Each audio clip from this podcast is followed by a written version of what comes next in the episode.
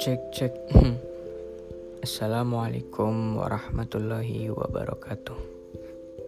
Sebelum saya memulai podcast ini, mungkin baiknya saya akan memperkenalkan diri saya terlebih dahulu. Hmm, oke. Okay. Perkenalkan, nama saya Alwi Muzaki, tinggal di Ulaharwetan, Kecamatan Kalibagor, Kabupaten Banyumas. Kelas 1 MPIC.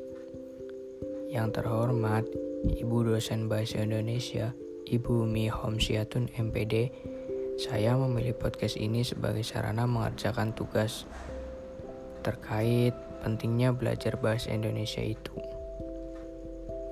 Hmm, jadi menurut saya belajar bahasa Indonesia itu penting. Mengapa penting? Bahasa Indonesia merupakan bahasa pemersatu bangsa. Di negara kita tercinta ini, memang banyak sekali bahasa-bahasa yang ada di sekitar kita.